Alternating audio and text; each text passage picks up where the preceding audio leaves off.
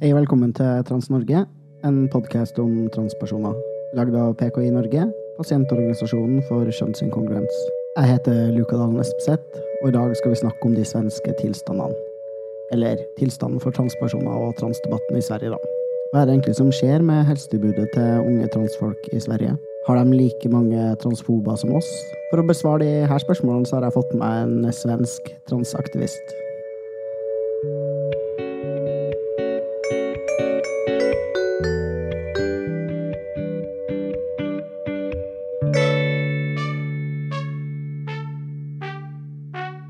Hei og velkommen til podden. Helt sykt kult å ha deg her. Kan ikke du bare fortelle hvem du är, navn, pronomen? Absolut. Jag heter Edvard Summanen och mitt pronomen är han. Jag jobbar på RFSL som är det svenska förbundet för hbtqi-personers rättigheter. Och där jobbar jag som sakkunnig i transfrågor och med suicidprevention och psykisk hälsa. Och sen förutom att jag jobbar på RFSL så skriver jag också en hel del. Jag gav nyligen ut en bok om svensk hbtqi-historia eh, och har nyligen blivit krönikör på qx.se som är en sajt för hbtq-personer.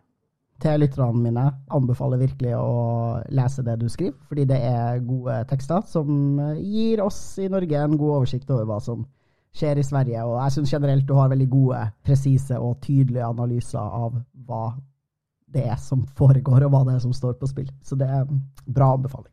Og gratulerer med det. Tack, tack. Så hvor lenge, hvor lenge har du vært transaktivist? Kaller du deg transaktivist? Eh, Jag kanske inte kallar mig transaktivist, eller det kanske jag gör.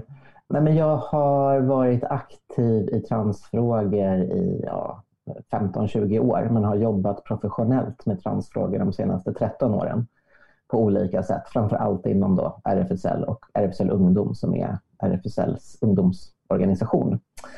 Så det, är, det är många år. Jag har sett många saker hända, komma och gå. Hen som pronomen i svenska språket till exempel, hela den debatten när det dök upp. Eh, rättigheter som har kommit. Eh, så mycket har jag sett. Så det är ja, men ungefär 15-20 år som aktiv inom fältet och 13 år jobbat. Jeg pleier jo å ha en sånn egen tidsregning som er transår, som jeg mener at det er mange flere år enn cis-år. Um, hvor det er sånn, hvis du, har holdt, hvis du har vært i transfeltet i ti år, liksom, så tilsvarer det 30 år i cis-feltet. Så jeg tenker at du er det vi kaller på norsk en gammel traver. Okej. Ja, det. jeg bare, Ja, men absolut. Nej, men absolut. Jag märker ju att många försvinner ju ut ur fältet också. Det verkar finnas en gräns för hur länge man orkar. Men jag, är en, jag orkar än så länge. Får se hur länge, jag- hur länge jag blir kvar. Ja, det må jag säga Som, eh, som en som har jobbat på det här fältet i lite över tio år, Jag är imponerad, för jag känner att eh, jag är sliten, liksom. Speciellt med den backlashen vi ser nu. Det är den jag tänkte vi skulle liksom prata lite grann om. Ehm, jag räknar med att lyssnarna också har fått med sig att de angrepene på transrättigheter vi ser i Norge, också föregår globalt, og det inkluderer Sverige. Kan ikke du Mm.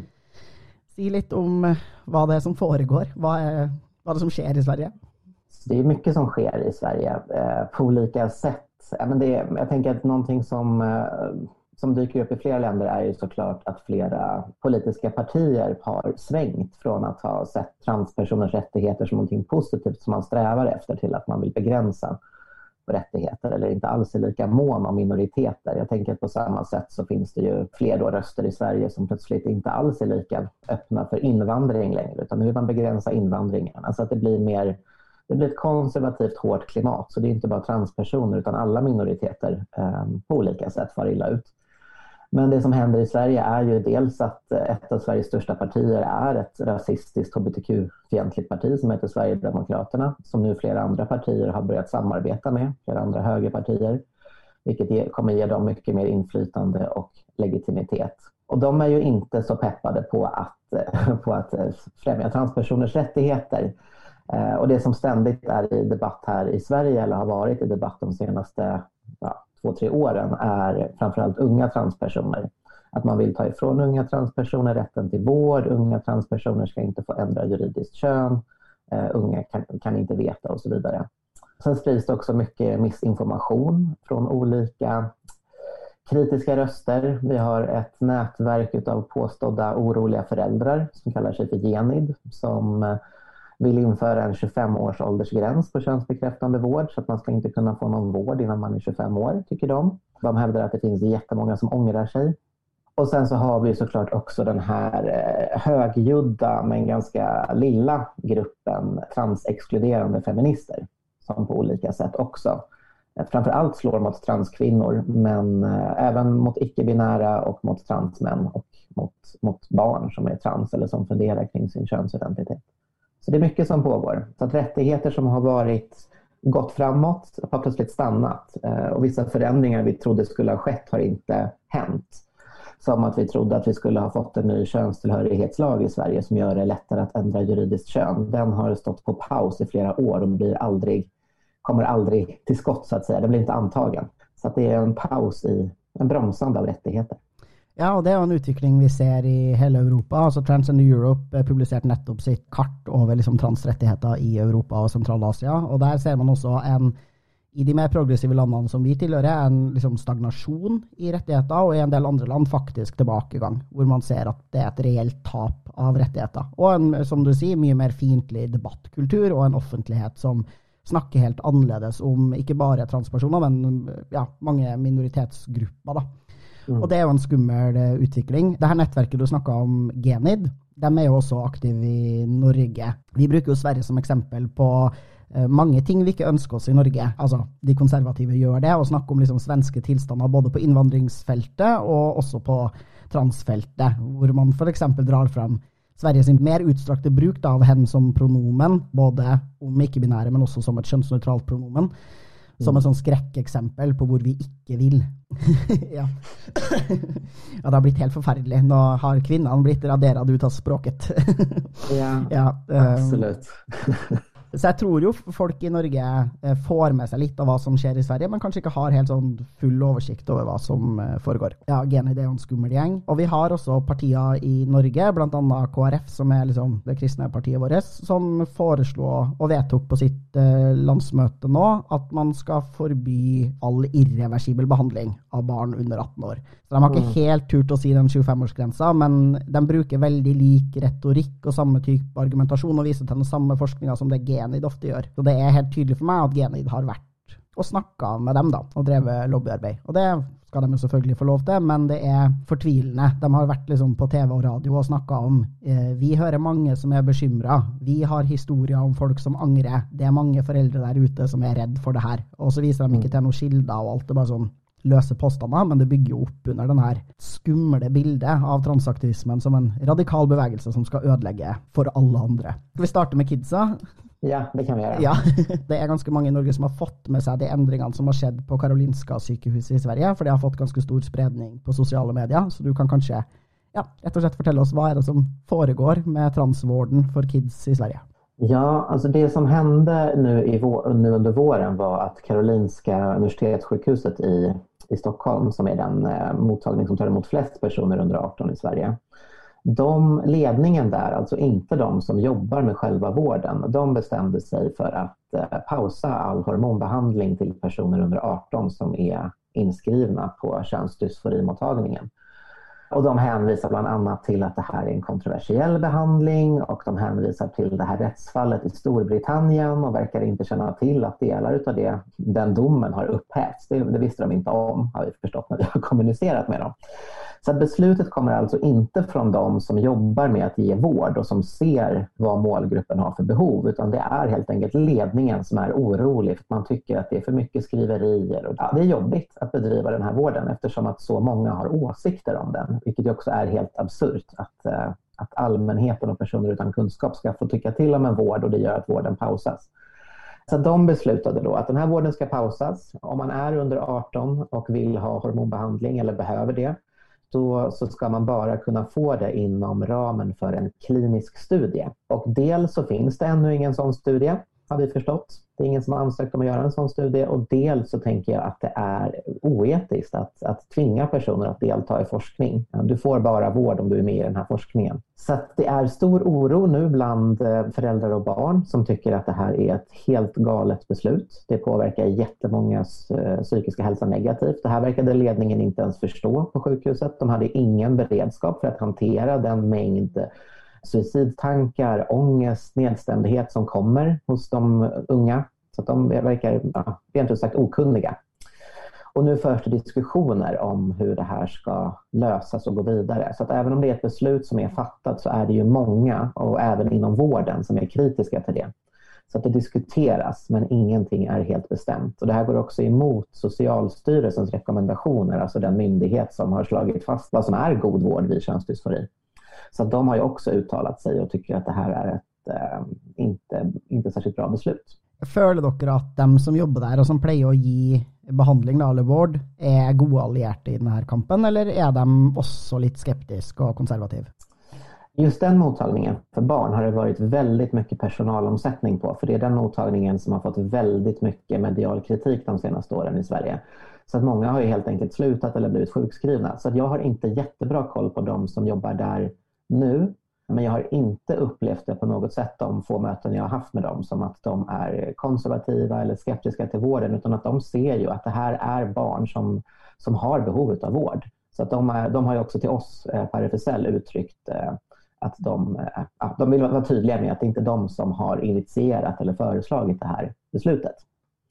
Så jag upplever att de, är, de ser till patientens bästa och att de ser att det som väldigt många unga transpersoner har behov av är just hormonbehandling. Så jag, jag, känner mig trygg på ett sätt med det i alla fall, att vården har, de lutar sig mot den forskning de har och den erfarenhet som finns och faller inte för de här mediala påtryckningarna. Det är väldigt gott att höra. Det är ju lite sån tendenser till detsamma i Norge och jag är ju ganska bekymrad för eh, att hälsopersonal här är både konservativ och rädd. Och Og jeg er redd for at det trycket från offentligheten och media skal medføre at man blir rett og slett mer konservativ da, og forsiktig i møte med, med transkids. Men jeg skulle si, jeg håper, jeg håper det løser seg, og at dere sier tydelig ifra. skulle si. Og det kommer dere jo sannsynligvis til å gjøre. Vi har allerede satt i gang litt sånn her preventive tiltak i, i, Norge, bare fordi vi ser at debatten kommer, og vi venter på at norske medier skal plukke opp det här i större grad da, enn det de har mm. gjort. Så vi har en sånn minikampanje på trappene nå med liksom foreldre som snakker om hvor viktig det er for dem da, å møte helsepersonell som kan noe om mm. kjønn, og som er villig til å hjelpe barna och ungdomarna deres. Det finns fler mottagningar för barn i Sverige. De har, eh, så det finns ju fortfarande möjlighet att få vård om man är under 18. Eh, och sen är det många som också vänder sig till eh, till exempel Gender GP i Storbritannien som är privatvård jag tycker att det är fruktansvärt att det slutar med att de som har råd får vård. Jag tycker att det är så otroligt hemskt att se att eh, har man pengar så kan man få vård. Och Det är jättebra att man kan få nödvändig vård men det är också helt absurt och går emot tänker jag, väldigt mycket av idén i det svenska sjukvårdssystemet om jämlik vård. Att nu blir det plötsligt en kostnadsfråga. Vilka har möjlighet att söka sig till en brittisk privatklinik? Eh, de kommer må bättre, de unga. Ja, vi ser akkurat det samme her. Vi har jo litt lignende helsesystem som dere. Og det er jo allerede sånn at marginaliserte og mindre såkalt ressurssterke grupper allerede har mindre tilgang på behandling mm. i Norge. Um, det være seg hvis man har diagnoser uh, innenfor psykiatrien, hvis man har dårlig råd, hvis man ikke har norsk som førstespråk eller innvandringsbakgrunn. Og det her kommer jo bare til å bli forsterka hvis mm. man faktisk gjør tilgangen enda vanskeligere. Det er en helt bakvendt måte å tenke på det her på. Man burde jo virkelig løfta de svakeste først. Når, når denne diskusjonen tas offentlig, er det, er det mange transnegative foreldre der ute, eller er det mest foreldre som faktisk står frem og liksom støtter ungene sine og sier at det her er nødvendig? Hvordan ser liksom bildet ut i offentligheten? Alltså just nu så har det varit, de, de, få röster som har kommit fram i det här har faktiskt varit unga transpersoner och föräldrar som stöttar sina barn. Eh, för vi har ju haft några år av att några enstaka föräldrar som är väldigt kritiska till att deras barn är trans har fått mycket medialt utrymme. Men de, under den här diskussionen så har det framför allt varit oroliga föräldrar som vill stötta sina barn, det har varit unga transpersoner eller transpersoner som har fått vård eh, när man var under 18 och som pratar om hur viktigt det har varit för en.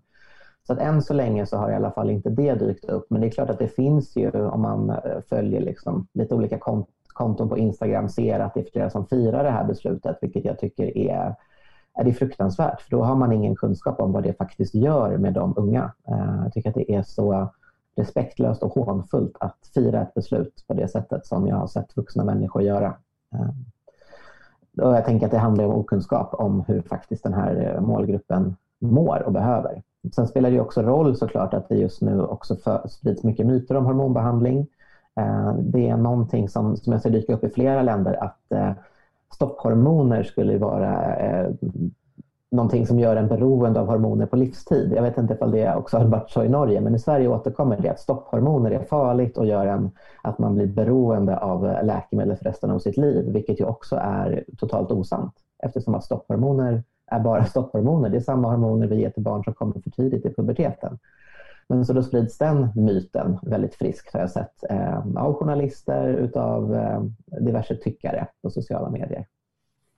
Jag har faktiskt inte hört den i Norge, men eh, både kreft och benmassa, alltså bentäthet, är något som träckes fram i mm. norska media. Och så prövar vi liksom att kontra med till dels att det inte stämmer och också att det här med benmassa ju en eh, midlertidig ting som bara sker mens du står på de stopphormonene. Og hvis du slutter eller går over på kjønnshormoner, så vil jo den, det man kaller sluttbenmassen være den samme som i resten av befolkningen.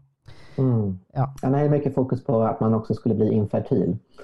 Eh, vilket jag tänker är ju inte då en oro kanske hos personerna som vill ha hormonerna utan att det är hos andra som tycker att de vill ha barn, barn eller de tycker att barn är meningen med livet. Eh, så att man sätter sina egna åsikter och behov före någon annans, vilket också är oetiskt tycker jag på många sätt. Ja, definitivt. Och den där påtatte omsorgen för vår reproduktiva kapacitet, den unnskyld, kan de stappa upp i ja, Fordi ja. de har altså kastrert oss, både i Norge og Sverige, i så mange år, og ingen brydde seg om vår mulighet og evne til å få barn. Så at de plutselig kommer trekkende med det, det kjøper jeg ikke. Det er bare et vikarierende argument for å kunne ta fra oss rettigheter og ta fra oss muligheter til å få helsehjelp. Men det fulaste i Sverige är att några använder just det som liknelse, säger att nu är tvångssteriliseringarna tillbaka. Så att personer som vill stoppa hormonbehandling av barn säger att jämföra med just tvångssteriliseringarna, att staten i Sverige fortfarande tvångssteriliserar. Vilket jag tycker är otroligt fult. Jag tycker det är ett vidrigt sätt att, äh, att spotta på den kamp vi ändå har gått igenom för att få bort steriliseringskravet men också att jämföra det. Det är inte likvärdiga saker eh, överhuvudtaget.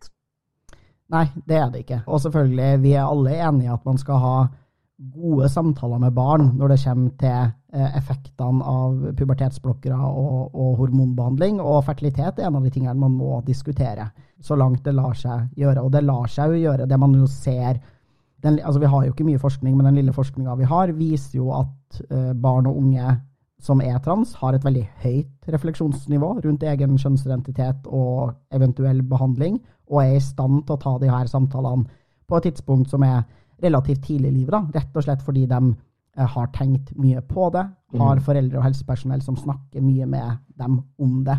Um, og så er det ikke en ideell situasjon, men alternativet er jo å ikke gjøre noe og bare la folk gjennomgå den puberteten som kroppen er programmert til å gjennomgå. Og det må man slutte å tenke på som et nøytralt alternativ, for det er mm. ikke et nøytralt alternativ. Det er en ekstrem inngripen i livet til transfolk å tvinge oss til å gå gjennom en pubertet som oppleves mm. som traumatisk, smertefull, og som har ja, irreversible konsekvenser. Mm. Som voksne transfolk bruker store deler av sitt voksne liv på å prøve å reversere det som skjedde i puberteten. Mm. Jeg holder helt med. Ja, det regner jo for så vidt med at vi ja. stort sett skulle være enige. Min podkast er et ekkokammer, og det syns jeg er veldig deilig. La oss snakke litt om uh, den feministiske kampen, skulle jeg si. Uh, dere har jo, som oss, um, en sterk feministisk bevegelse i Sverige, om mulig sterkere faktisk enn i Norge. Uh, mm. Og en, et tydeligere innslag av transekskluderende feminister. vi har dem også i Norge, men de er i Norge tror jeg de er noe færre enda mer ytterliggående. Og en del av dem har vært mye i media de siste årene, men har nå blitt tatt av media. Eh, det er faktisk en del som har forstått at den gruppa her er så ytterliggående og hatefull da, at vi ikke kan la dem slippe på, um, som jeg jo er veldig glad for. De har jo bl.a. forfulgt en del transaktivister på, på Twitter og, og snakka så fornedrende om folk at når vi liksom har sendt screenshots til avisene, så har de vært sånn OK, vi skjønner. Det her er ikke faktisk en debatt, det her er hatgruppa da, som er ute etter å ta oss. Men dere har jo store anerkjente feminister som bl.a. gir ut böcker om trans. Vill du fortelle litt om det? Absolut. Alltså jag har ju min bakgrund inom den feministiska rörelsen. Jag har jobbat jättemycket kvinnoseparatistiskt förr i tiden, varit aktiv i kvinnojoursrörelse och så vidare. Så jag har ju sett den här debatten komma och gå. Att det var mycket prat om huruvida ska transpersoner få vara med eller inte eh, för ungefär 20 år sedan. Att det är samma diskussion som nu dyker upp igen.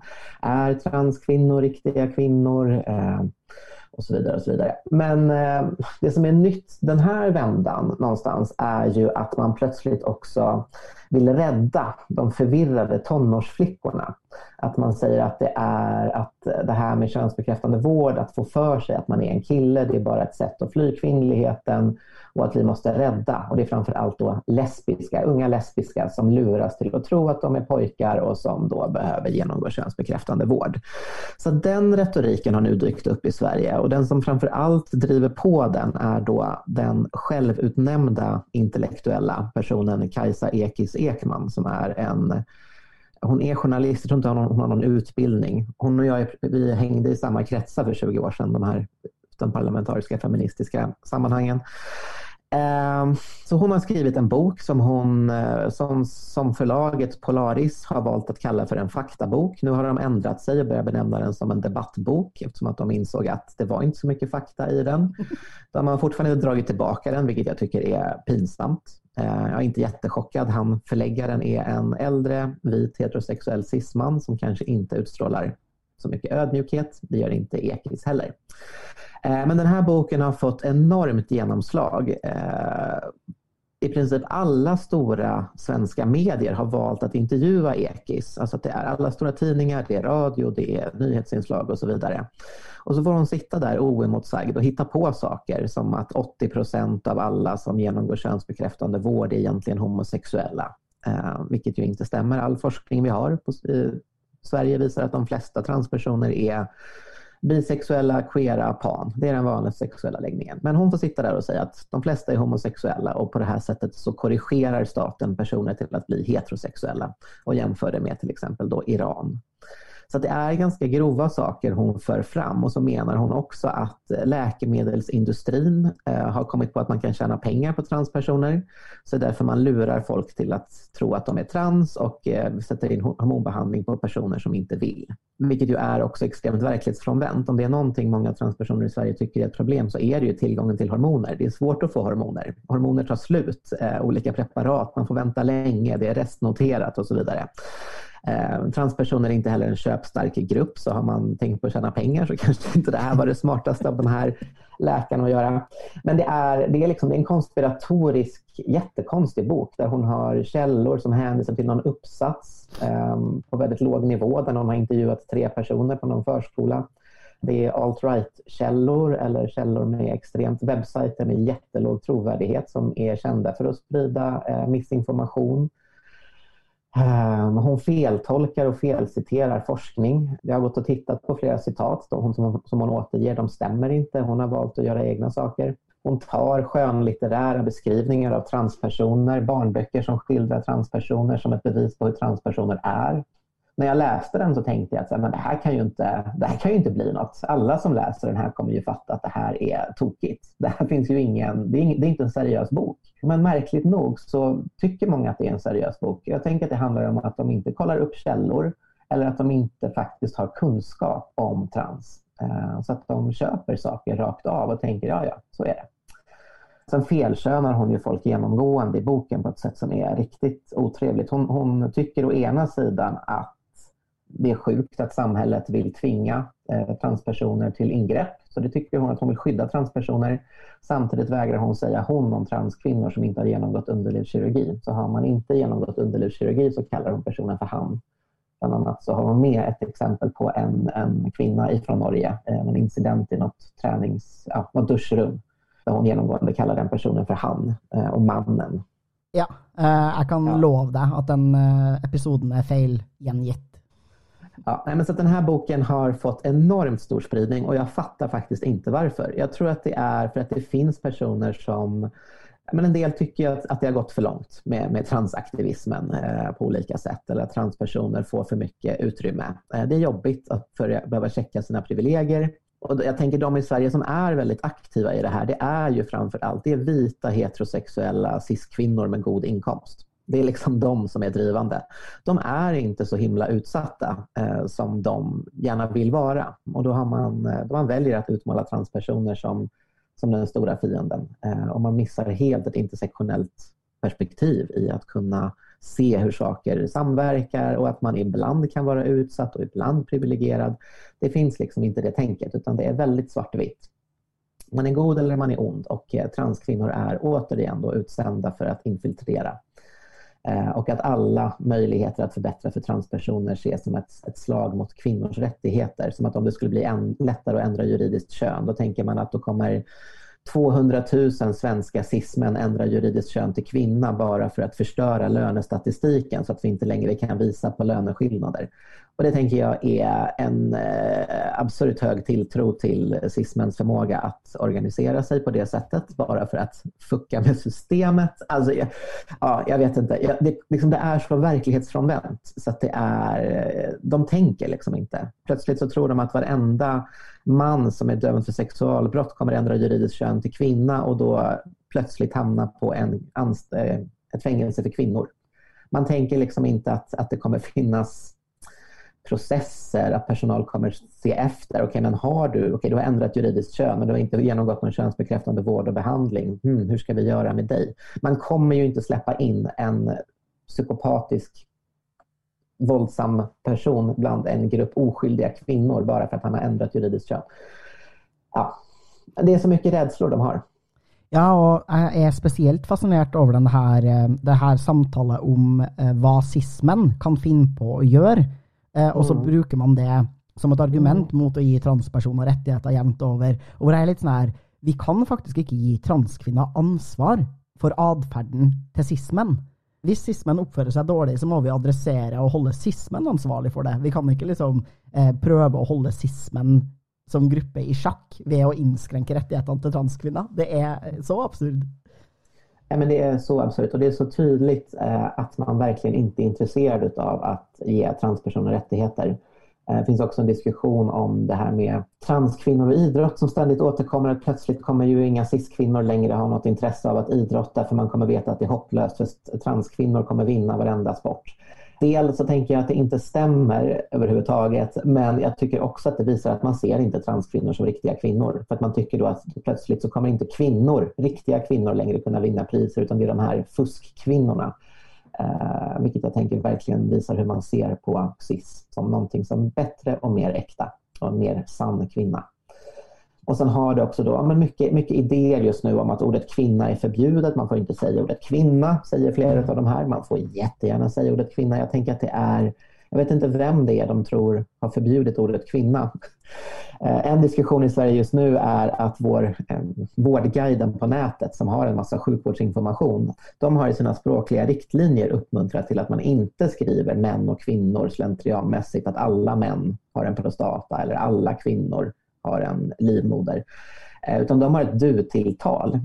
Men det är absolut inte så att de inte pratar om kvinnor och män på olika sätt på den här sajten. Men här har en eh, tidigare minister gått ut och twittrat utan att faktakolla. Och så, ah, det, det, är liksom lite kaosigt. Eh, och så blir folk jätteupprörda eh, och tror att det är liksom ett antingen eller. Att antingen så får transpersoner vara med eller så måste vi plötsligt osynliggöra kvinnor totalt. Ja, och akkurat den eh, debatten runt ordet kvinna har lukket lite över i, i norsk media. Uh, og det har vi snakka om litt på den poden her tidligere, at man mm. framstiller det som om det nå har blitt forbudt å si kvinne i det hele tatt. Mm. Som jo er merkelig all den tid ca. en tredjedel av alle transpersoner jo føler veldig sterkt rundt ordet kvinne og har veldig lyst til å kalle seg det og er kvinner. Så det ville ha vært rart også av transbevegelsen å, å skulle forby det ordet. Og man prøver å framstille det sånn ved at man i noen settinger, f.eks. når man snakker om ren medisinsk behandling, hvis det f.eks. er snakk om livmorhalskreft, så sier man person som har livmorhals. Og så fremstilles det her som om vi da prøver å forby kvinner sin eksistens og bruk av ordet kvinne. Eh, og det er veldig artig at man gjør det samtidig som man anklager hele transbevegelsen for å eh, fornekte biologi og ikke snakke om biologiske fakta. Eh, mens transbevegelsen er jo veldig tydelig på at vi nettopp ønsker at man skal snakke på en måte som er biologisk og medisinsk korrekt, nøytral og informativ. da. Och det är ju dumt att säga kvinna, om du menar person med livmor.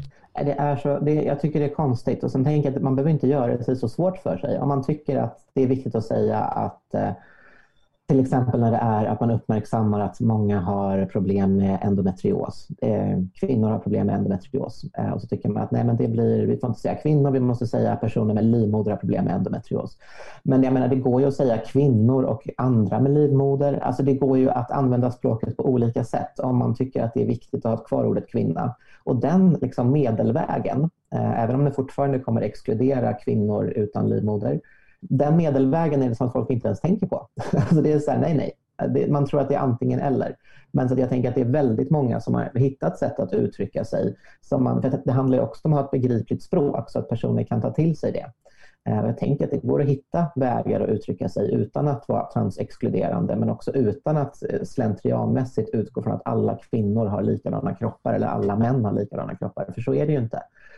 Men så att det är nivån på diskussionen här i Sverige är så, den är så låg. Man blir bara, man blir bara så matt. Det är, så, det är liksom som att vi är tillbaka på nivån, får en feminist raka benen, ja eller nej? Alltså där man känner att nej, men nu, eller jag tänker som, som på 90-talet när jag, ja, då var det inte lika vanligt att vara vegetarian. Så att när man var vegetarian och kom ut med det så var det folk så men hur ska, vad ska hända med alla kossor om ingen äter kött? Kossorna kommer ta över jorden.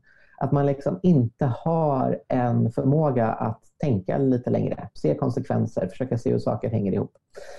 Eh, så man blir lite trött när man ständigt måste möta allt det här.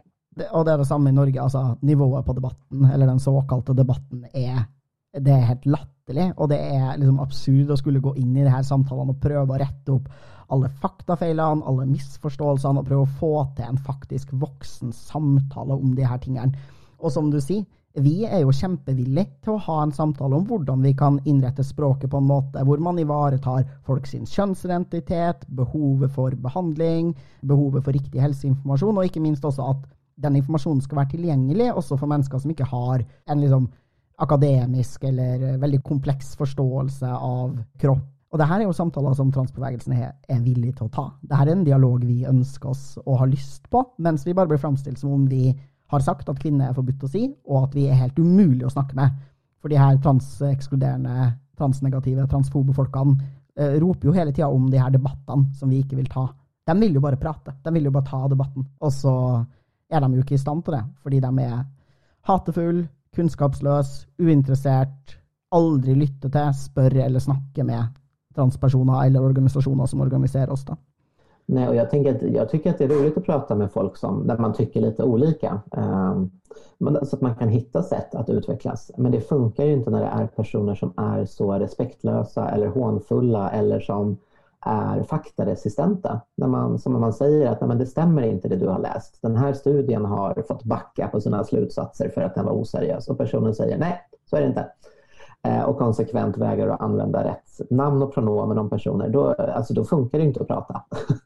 men jag tänker att jag skulle önska att det fanns en mer konstruktiv dialog, men det är en väldigt aggressiv ton från den här lilla gruppen feminister som är väldigt snabba med att utmåla sig själva som utsatta och sen säger nej, man får ju inte ens säga något i det här landet längre innan man är transfob. Eh, nu är jag cancelled, det är synd om mig. Alltså att det, och så framställer man transpersoner som den här lättkränkta gruppen när det snarare är gång på gång som transpersoner och allierade som försöker tålmodigt förklara för de här personerna som helt enkelt inte vill lyssna. Eh, men det är egentligen de som är de väldigt eh, ja, man får inte säga emot dem för då har man plötsligt, eh, då har man plötsligt hatat på dem. Då är de förföljda. Det är, ja, det är ett svårt debattklimat. Ja, helt enig. Det är akkurat det i Norge. De är så flinke på å gjøre seg selv til offer og si liksom nå kommer jeg til å bli cancelled og transfob, og det är en trussel mot min ytringsfrihet. Nå går alt til helvete, og med en gang de blir sagt imot, eller noen prøver å si noe, så er det liksom å nei, det var det jeg sa.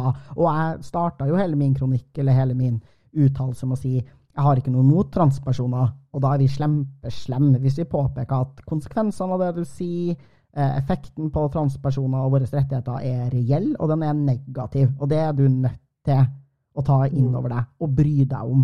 Så er det sånn, nei, men jeg, jo, jeg vil jo ikke være slem. Og så er jeg sånn, nei, jeg hører at du ikke vil det, men hvis du ikke vil det, hvis det er faktisk intensjonen din å være snill, så må du lytte litt. Du er nødt til å gå inn i en faktisk dialog og ikke være ja, faktaresistent, da, som du sier. Men det är också som att man inte förstår att det man säger får konsekvenser. Att man tänker att det här är en filosofisk diskussion om vad är kön, när det är våra liv och våra rättigheter man faktiskt vill debattera och diskutera.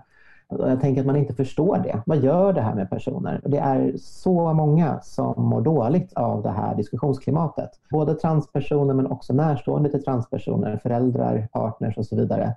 Och det är som att man inte förstår att de här diskussionerna man vill ha, de sker inte i ett vakuum utan den sker och de lyssnas på utav transpersoner.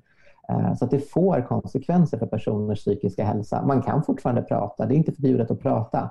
Men jag tänker att man kan vara lite mer varsam med sina ord. Vi på RFSL brukar säga när vi utbildar personer i hur man skapar en bättre arbetsmiljö att tänk dig att alla finns i rummet. Så att när du uttrycker dig, utgå från att de erfarenheter, den grupp du vill prata om, att den gruppen finns i rummet. För då kanske du uttrycker dig lite trevligare, lite mer nyanserat. Den tanken tänker jag att fler av de här debattörerna borde ha. Alla finns i rummet. Dina ord kommer läsas och lyssnas på av personer som tar illa vid sig. Det är en väldigt god ordning som jag skulle önska att flera följt. Som du säger, transfolk läser ofta mycket av det som skrivs om oss, och jag har ganska många vänner och aktivister skulle jag säga nu som är så trötta på det her, da, at de unngår sosiale medier, unngår å lese, orker ikke å delta og trekke seg bort. Da. Som jeg tenker spesielt nå i korona, da, som har vært, um, ehm, i hvert fall i Oslo-området der hvor jeg bor. Uh, vi har jo levd under ekstremt strenge restriksjoner siden oktober i fjor. Det finnes, altså, vi har ikke kafeer som er åpne, vi kan ikke møtes utendørs, vi kan ikke møtes hjemme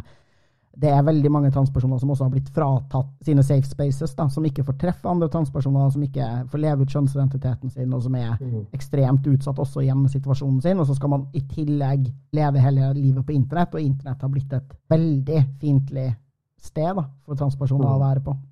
Ja, men det är samma i Sverige, framförallt de stora städerna, att allting håller ju stängt. Så att folk är ju mycket mer på nätet på olika sätt och folk är också mycket mer ensamma med sina tankar. Jag jobbar bland annat med en stödmail för transpersoner och närstående. Sen corona kom så har vi fått en sån enorm ökning på mejl. Ökat med 43 procent eh, andelen mejl. Eh, så förra året fick vi nästan 1200 mejl och det här året kommer det bli ännu mer. För att folk sitter och är, man har sina tankar, man tappar sina sammanhang. Så det är många som både hör av sig och har börjat fundera kring sin könsidentitet men då gör det i det här mediala debattklimatet och känner sig som en svikare på olika sätt. Eh, men också att ja, men vårdköer har blivit ännu längre i Sverige på grund av corona. Man blir inte respekterad och vi ser att fler och fler också inom vården blir mer restriktiva. Att barn och ungdomspsykiatrin inte vill skriva remiss till könsdysforimottagning för att man har minsann sett eller läst i tidningar att det här bara är en trend, vilket är så extremt okunnigt och eh, fruktansvärt. Så det får ju stora konsekvenser.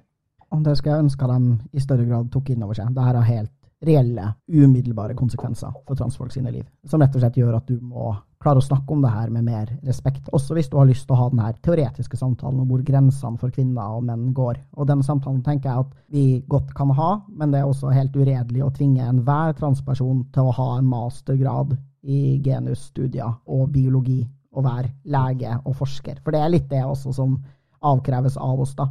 Og det syns jeg er liksom så fortvilende, fordi det, denne her, altså identiteten, følelsen, livet til transfolk er like reelt, like ekte og like verdig, helt uavhengig av hva slags kunnskapsnivå hver enkelt transperson har. Da. Og det er helt urimelig å kreve av oss at vi skal måtte forsvare og forklare egen eksistens i enhver setting rundt ethvert gatehjørne hele tida. Ja, nej, det, är, det, det är speciellt att man förväntas veta hur alla kromosomer funkar och är det så att transpersoner har andra hjärnor än cispersoner och så vidare och så vidare. Alltså det finns så mycket saker folk kräver svar på. Skulle du vara transperson om du var fast på en öde ö? Alltså det är så mycket. Det är så mycket som, som pågår. Eh, Eh, och där man förväntas kunna ha svar. Eller hur många är det egentligen som ångrar sig och så vidare. Att det ska man då kunna veta om man är en enskild transperson. Ehm, det är, det, är, en absurda, det är absurda krav som ställs på personer för att, att kunna redogöra för, för att ens få vara sig själv. Få lite grundläggande respekt och bara få, få vara. Ja. Så att, ja, det är tröttsamt. Ja, men du håller ut? ja, jag håller. Absolut. Det gör jag jag tror att det är, en, det är en styrka på ett sätt att det i Sverige finns flera transorganisationer. RFSL är ju inte den enda utan det finns RFSL Ungdom, det finns Transammans, det finns FPES. Så att vi är liksom flera och det gör, en, det gör något. Att liksom inte bara att man är den enda rösten utan vi är flera röster och att det också har varit allt fler inom vården som uttalar sig men också inom universitetsvärlden. Svenska kyrkan skrev ett öppet brev till dig som är transperson som var så fint. Det får de såklart jättemycket kritik för. Då får de höra att nu är Svenska kyrkan igång med att förtrycka kvinnor genom att bekräfta att transpersoner finns. Eh, några bibliotekarier har startat ett upprop också i Sverige eh, för transpersoners eh, rätt och bara visat att så här, du har rätt att vara du. Eh, olika författare har också skrivit på ett liknande brev för en tid sedan. Det finns rörelser från olika håll, vilket jag tycker känns jätte, jätteskönt. Att det finns rimliga psykologer som sitter och uttalar sig i, i morgon-tv som motvikt till Kajsa Ekis Ekman. Så det finns liksom, det är många som säger ifrån. Det behövs såklart vara ännu fler, men jag tror att det, är något, det gör ju att jag orkar, att man känner att man är inte den enda. Och jag vet inte, jag har förstått att det kanske är lite mer en, ja, lite mer ensamt i Norge, att det liksom inte finns en lika bred allierad rörelse, eller? Ja, alltså till dels så är vi ju färre folk. Uh, och till dels så har vi mindre stötte i, i vården. Da. Uh, helsepersonell mm. i Norge altså Vi har én kjønnsklinikk, og de er ekstremt konservative og går aldri ut med noe positivt eller støttende uh, overfor transbefolkninga. Og vi er flere organisasjoner som jobber med trans, men vi har vel, det er vel bare jeg Eh, som de siste ti årene faktisk har fått lønn for å kunne jobbe med trans. Men vi har jo allierte. altså Det finnes andre organisasjoner som jobber med eh, SRHR-rettigheter generelt. Eh, Amnesty i Norge er på ballen. Mm. Det finnes politikere um, og LHBT, nei, LHB, cis-personer som er veldig støttende, og det finnes folk innenfor akademia og helsepersonell. Så, mm. så definitivt, det er for så vidt flere som har forstått greia som er sist da, i Norge de siste fem årene, men backlashen føler jeg at er større. da.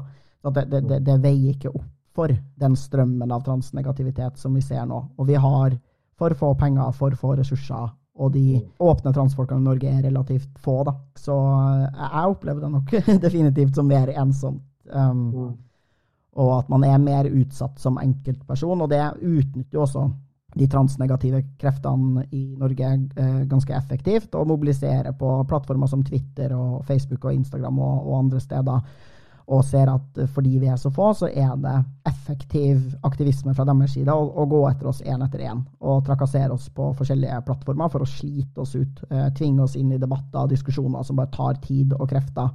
Og det har vært dessverre veldig effektfullt i Norge. Og man ser at um, en del Eh, ja, åpne transfolk blir utsatt for ganske massiv hets, da. spesielt mye på Twitter, hvor folk blir outa. Det legges ut bilder av dem fra gamle dager. De blir deadnama og feilskjønna. Eh, det blir lagt ut bilder av barna deres. De blir kalt halliker, sexroboter. Ganske sånn liksom fornedrende og forferdelige ting da, som har skjedd med de, noen av de mest sentrale transaktivistene i Norge. da. Okay, ja, det låter ju faktiskt helt fruktansvärt. Där, där är vi inte i Sverige än uh, med den typen av personangrepp. Så, ja, det låter ju helt fruktansvärt på jättemånga sätt. Det är så, jag vet inte, jag tänker jag har ju alltid tänkt någonstans att, att, att man har sina allierade i, att den feministiska rörelsen är någonstans en trygg plats för mig som transperson. Att så här, men här är vi ju medvetna om maktstrukturer. Så jag tror att också att jag blir någonstans extra ledsen när feminister gör sådana här saker, är så här hatiska på det sättet, eh, utövar olika typer utav psykiskt våld. Alltså för mig är det så det är så långt ifrån, tänker jag, en feministisk vision och vad man faktiskt kämpar för. Eh, jag, så det gör mig liksom extra ledsen. Jag blir ju inte riktigt, jag blir inte lika förvånad när nazister beter sig på det här sättet. Eh, men när rimliga feminister, eller de är ju inte rimliga, när feminister gör det, när det är liksom små gulliga tanter som hade kunnat vara min mormor skriver riktigt vidriga saker till en, alltså då blir jag, jag blir så här, nej men hur gick det här till? Uh, ja, det, ja, det är slitsamt tänker jag också. Det tar på en psykiskt att personer som man tänkte var på en sida inte är det. Ja, och det är extra skrämmande när, när folk som är i andra debatter och i andra spörsmål rimligt informert, kunskapsrik och, och, och si ting som är empatisk, omsorgsfullt eh, och så vidare i den här debatten och i den här samtalen är rätt och slett uh, rätt ut hatefull. För som du säger, man blir ju inte så överraskad när det är en nazist som hatar dig. det de hatar på alla dem eh, och det och de är ytterliggående. De får lite plats i media. Det är för så vidt mer åpenlyst nazism i Sverige än i, i Norge. Men det, det, är något extra skrämmande med det. Och jag syns också det är extra belastande som enkeltperson när det kommer från både den feministiska bevegelsen men också LHB-bevegelsen. Det rammer extra hårt. Da. Det gjør det. Mm. Ja, vad, vad tänker du att norska folk som är intresserade av det här temat kan göra då för att stötta dere i Sverige och kanske också få mer insikt i vad som sker. Alltså, vi, vi har för så vidt alltså, både det brevet från Karolinska, eh, det brevet från den svenska kyrkan och en del av debatten. Alltså, ja, Lisa Eckes Ekman och sådana ting. Det, det, får folk i Norge till dels med sig. Men jag tror också att en del folk unngår da, en del debatter och därmed så går glipp av information, solidaritet och fellesskap på tvärs av grensa, da, fordi man isolerar sig och trekker sig bort från hela egentlig. da. Vad tänker du? Vad kan vi göra för att styrke eh, samarbetet på tvärs av grensene? Ja, jag tycker det är svårt. Jag fattar att det är fullt upp i Norge också med allt möjligt. Men jag tänker att man är ju alltid starkare ihop och man kan ju lära saker av varandra på olika sätt. Jag tänker att det delvis är för att transrörelsen i den form vi har nu, där det ändå är folk som också är avlönade för att jobba, det finns lite mer strukturer, att den är ganska ny. För jag tänker att om jag tittar på hur vi jobbar med hiv-prevention eh, så tänker jag att det finns mycket kunskapsutbyte mellan till exempel Norge, Sverige, Danmark och även Finland. Eh, och att man har ganska lika sammanhang och liknande strukturer i sina samhällen på olika sätt. Eh, och där tänker jag att då lär man sig av varandra på ett helt annat sätt. Man, har, man, har, man möts, man har konferenser ihop, man utbyter information och forskning på ett helt annat sätt. Inspireras av varandras kampanjer. Alltså jag skulle önska att, det, att vi kunde starta någon sorts eh, nätverk eh, som är mer i en, eh, en kontext kring de här länderna. Även om TGEU samlar aktivister från alla europeiska länder så tänker jag att, det, att våra länder är så pass lika på många sätt. Så att jag tror att vi skulle kunna tjäna på att ha någon typ av nätverk även om det bara var en gemensam Facebookgrupp eh, dit aktivister kunde vara medlemmar eller enskilda personer där man kunde utbyta information det är ett problem tänker jag, för att dra igång det krävs det energi och styrka och det känns som att det är ingenting vi har just nu. Eh, men jag tänker att om någon annan som lyssnar på den här podden känner att gud vad grymt, jag vill starta en Facebookgrupp för transaktivister i de nordiska länderna eller liknande, så tänker jag att det vore toppen. Jag tänker också att eh, men vara i varandras nätverk, följa olika aktivister i de olika länderna på sociala medier bara för att kunna ta del av, okay, vad verkar röra sig här? Vad för grym motståndsaktion har skett? Eh, som att i Sverige samlades över 7000 namn in på bara två dagar mot eh, det här hormonstoppet för unga. Att så många människor skrev under. Och hur det drogs igång. Kan det inspirera andra? Alltså sådana saker. Jag tänker att det görs jättemycket aktivism också i Norge. Ett av de konton jag följer som är norska aktivister. Det, händer, det dyker upp jättespännande kampanjer eller utspel på olika sätt. Så jag tror helt enkelt att låta oss ta det lite lugnt för vi är så himla trötta många av oss men helt enkelt nyttja sociala medier lite mer. Eh, att se förbi eh, landsgränserna för att kunna följa debatter. Det är min första spontana tanke. Jag vet inte, du kanske har en mycket bättre idé.